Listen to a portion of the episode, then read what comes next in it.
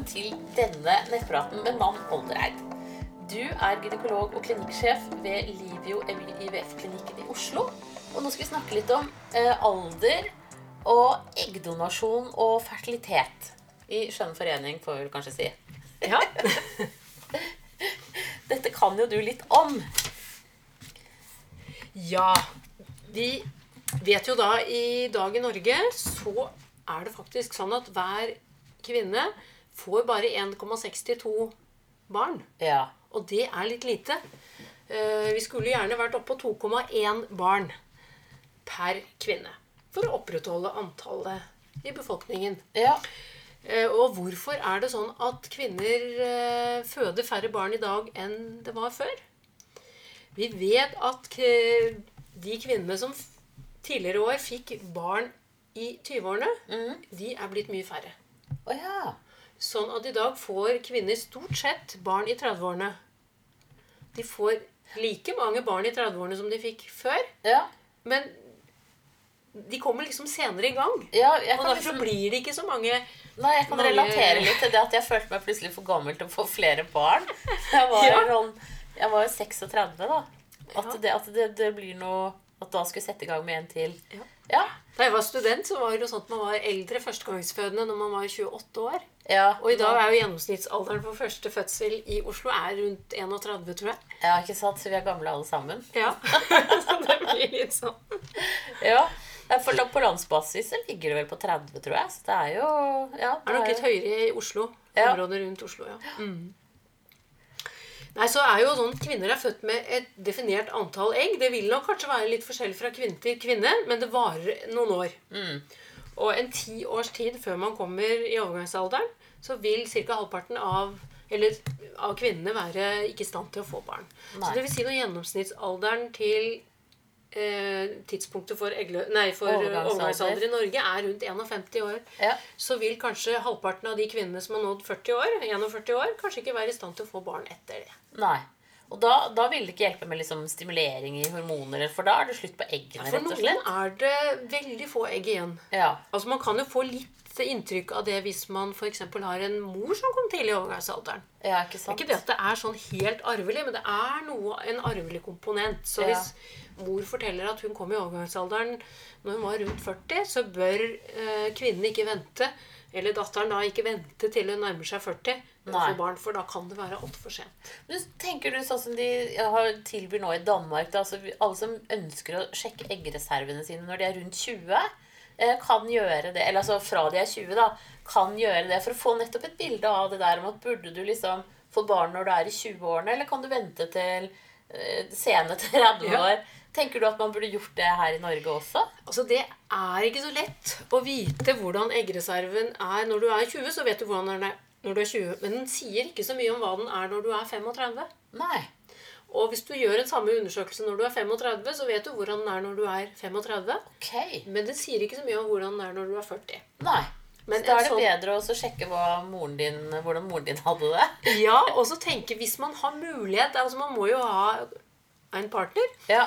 Og det er klart at hvis man da har mulighet til å få barn eh, når man har funnet en partner, ikke vente på at man skal gjøre alle mulige ting først. fordi at da kan det være for sent. ja. For det er nemlig sånn at eggene går ut på dato. Ja.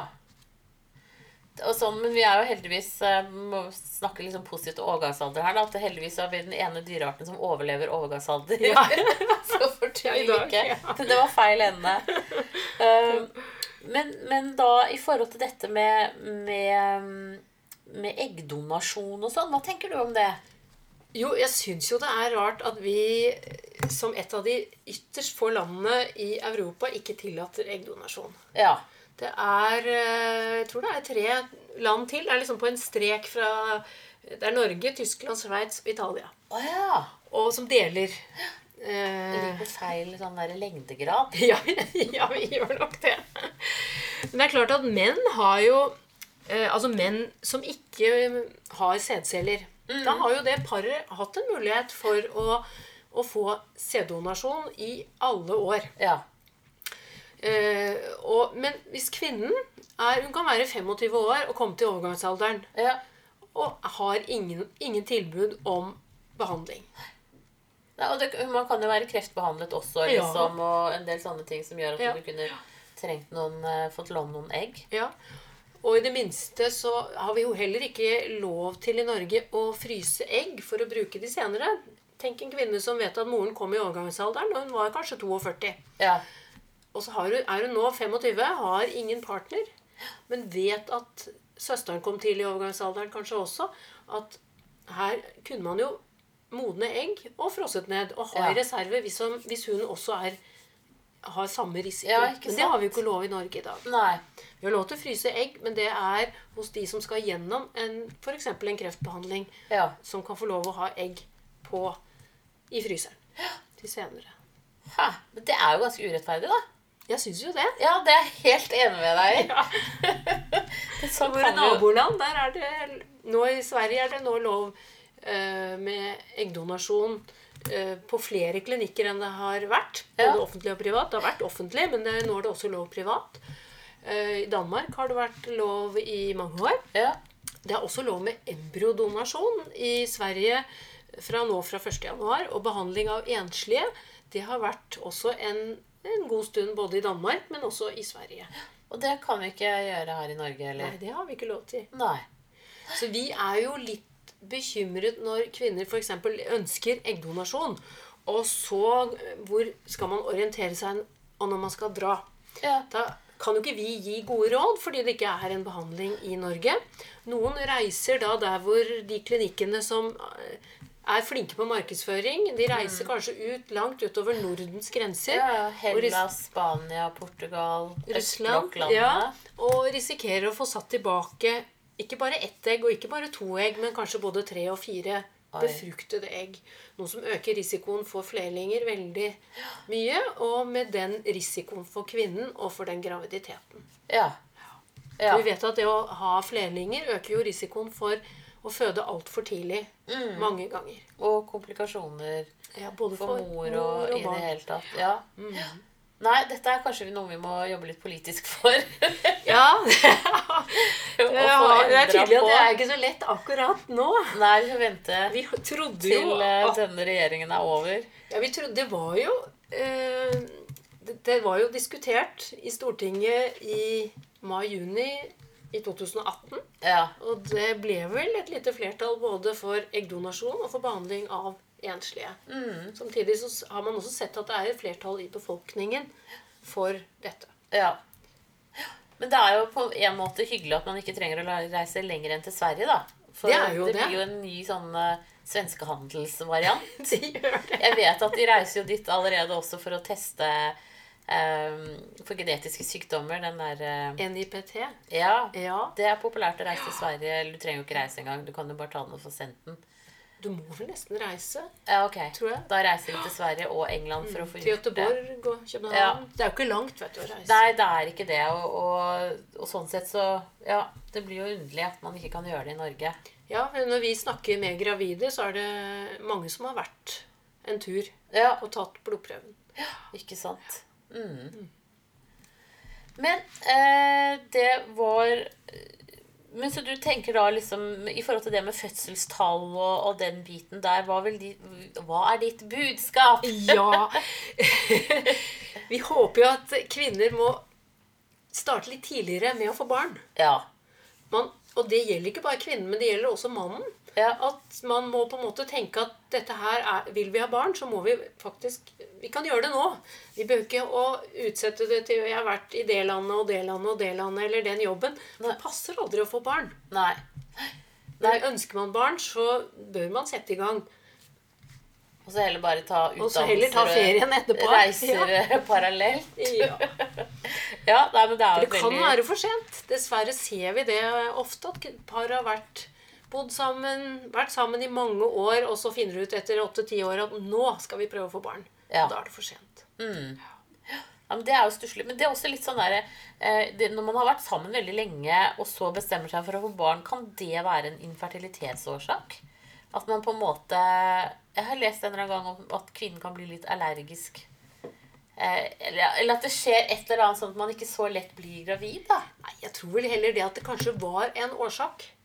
Og så har man brukt litt sånn halvveis prevensjon, og så ble man ikke gravid. Så tenkte man at ja, ja, men det, hjalp, det gikk vel bra. Vi klarte det, selv om ikke vi har brukt sånn sikker prevensjon. Ja, Og så har det kanskje vært dårlig sædkvalitet, f.eks.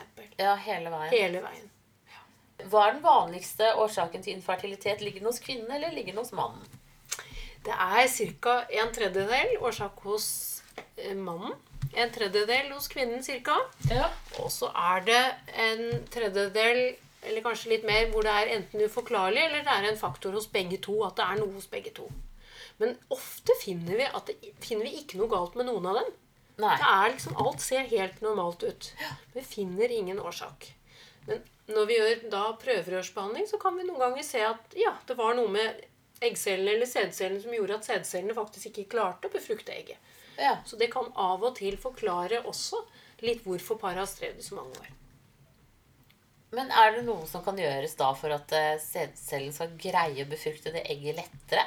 Altså, vi kan jo, har jo forskjellige teknikker vi kan bruke når vi gjør prøverørsbehandling, eller IVF som det også kalles. Ja. Og det at vi kan ta en sædcelle som vi tar rett inn i egget. Ja. Så vi eh, eh, skiller disse sædcellene, vi sentrifugerer og får frem de som svømmer fint. Og så tar vi en av de som ser virkelig pene ut, og så setter vi den rett inn i egget. Ja. ja Det heter sant? mikroinjeksjon eller ICSI. Ja. ja, men det er flott, det er flott at det fins Men når det gjelder spontanabort og, og sånn i forhold til litt sånn eh, eldre egg, da eh, er den, Øker den faren for det? Ja, dessverre så gjør den det. Så generelt kan man vel si at ca. 10-15-20% av kvinner opplever spontanabort sånn gjennomsnitt. Ja. Det vil si kanskje ett av fem svangerskap ender som et, en spontanabort. Mm. Når man da Når alderen øker hos kvinnen, så øker også risikoen for spontanabort. Ja. Så er kvinnen over 40 år, så er kanskje risikoen 40-50 for Oi. en spontanabort. Det er ganske høyt, da. Og alderen til mannen kan nok synes å også ha en betydning her. Så hvis mannen også er ganske gammel eller ganske voksen, så kan det også øke risikoen for spontanabort ytterligere. Mm, Vet man hvorfor det? Hva, det er som gjør det? liksom? Altså, Hva, er, det, er det fordi det er eldre egg og eldre sæd- sædceller, liksom? Som Ja, det, er, det kan gå noe galt når egget det skal jo dele seg. Ja.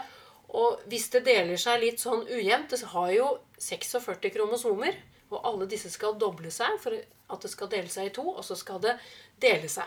Ja.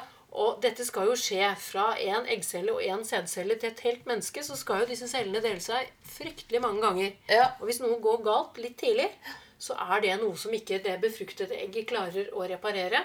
Og hvis det da fester seg, så blir det da oftest en spontanabort. ja. Og, da, og der påvirker jo både sædcellen og eggcellen inn i denne delingen. Ja, Det liksom. gjør jo det.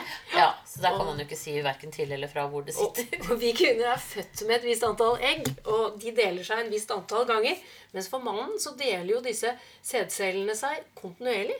Så fra sånne stamceller som er i testikkelen, så deler det seg, kommer det jo nye sædceller hele tiden. Sånn at en, en mann som er eh, 50 år, da har disse stamcellene til sædcellene delt seg over 800 ganger. Oi! Mens da han er bare 20, så har de delt seg kanskje bare 150 ganger. Og hver sånn, sånne delinger, det er en liten risiko for at det blir noe feil inni sædcellen. Ja. Så selv om det er kvinnens alder som betyr mest, så har nok mannens alder også en liten tilleggseffekt. Den er mye Ja. mindre, men den er også til stede. Ikke sant? Mm. Det blir litt brukt opp, Ja, disse delingsmulighetene. Litt slitne. Ja, men Det er kjempeflott. Tusen takk, eh, Nan Olderheim fra Livio IVF-klinikken i Oslo.